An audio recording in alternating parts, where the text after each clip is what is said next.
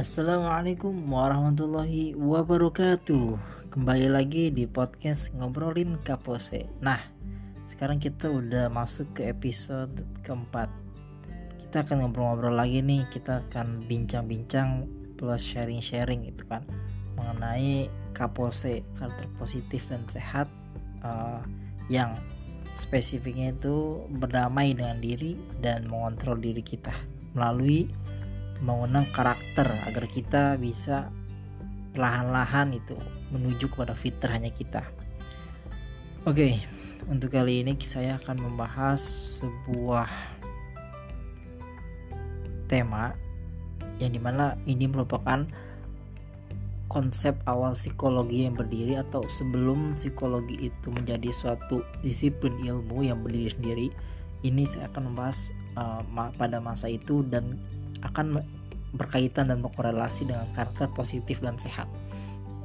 Baik teman-teman, jadi gini, psikologi itu sebenarnya merupakan ilmu yang di, yang induknya itu adalah filsafat karena filsafat ini mempunyai banyak cabang. Salah satunya adalah ilmu psikologi atau psikologi. Jadi lahirnya psikologi ini karena pemikiran filosofis karena lahirnya filsafat barat yang diriset. Nah itu menjadi suatu ilmu psikologi. Nah sebelum masuk psikologi modern yang sudah berkembang pada saat ini pada zaman itu ada namanya suatu uh, filosofis ataupun kaum kaum filsuf itu pada masa Yunani kuno. Dan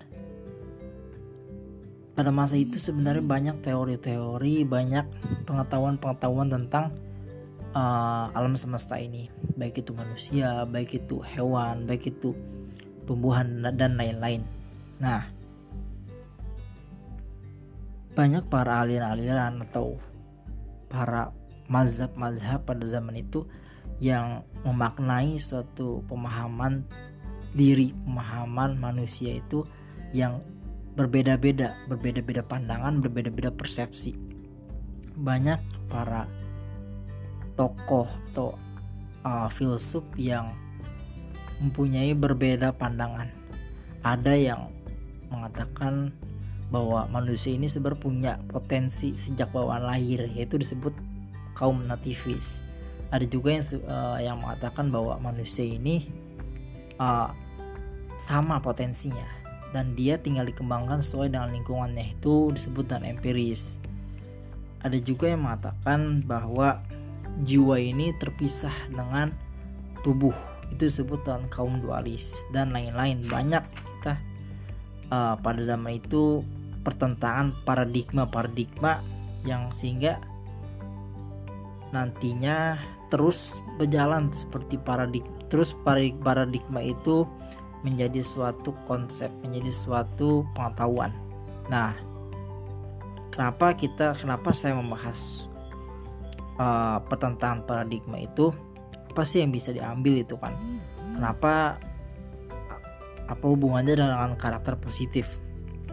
Nah, sebenarnya teori-teori atau pengetahuan apa pun itu itu kan dikepalai atau dimaknai oleh masing-masing manusia yang memiliki kepala yang berbeda-beda, yang memiliki persepsi maupun pengetahuan yang berbeda-beda. Dan secara psikologi itu mental, kita memiliki tiga unsur, kita memiliki tiga aspek, yaitu kognitif, afektif, dan juga kehendak. Di mana Kognitif ini proses berpikir kita, afektif ini perasaan, dan kehendak ini suatu keinginan. Dan itu menjadi suatu alasan di mana kita mempersepsikan sesuatu apa pun itu. Bila mana kita hanya memihak pada satu persepsi, kita tidak bisa membuka pandangan kita, kita, kita tidak bisa membuka persepsi kita terhadap pandangan lain, maka karakter kita akan menjadi tidak sehat, akan menjadi tidak baik atau buruk itu dampaknya bagi diri kita maupun orang lain. Karena kita hanya terpaku dengan pandangan dan pendapat kita sendiri tanpa kita melihat sudut pandang kepada orang lain.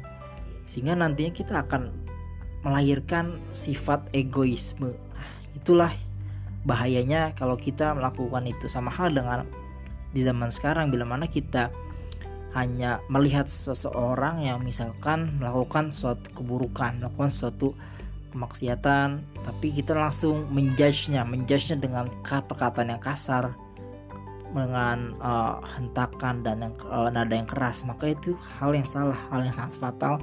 Karena kita melihat hanya dari sudut pandang atau persepsi yang kita miliki. Kita tidak melihat bahwa itu uh, secara luas bahwa dia pasti ada penyebab melakukan itu dan uh, apa sebenarnya yang terjadi pada diri diri dia itulah yang harus kita perhatikan dan jauhkan sifat uh, mempersempit sudut pandang karena itu akan memperburuk dan tidak menyehatkan karakter kita.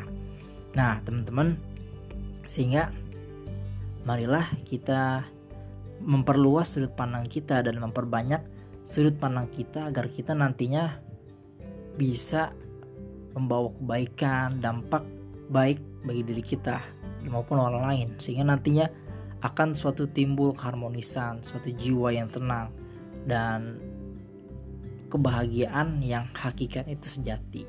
Mungkin itu aja yang kita obrolin kali ini. Semoga bermanfaat dan ditunggu untuk episode berikutnya. Wassalamualaikum warahmatullahi wabarakatuh.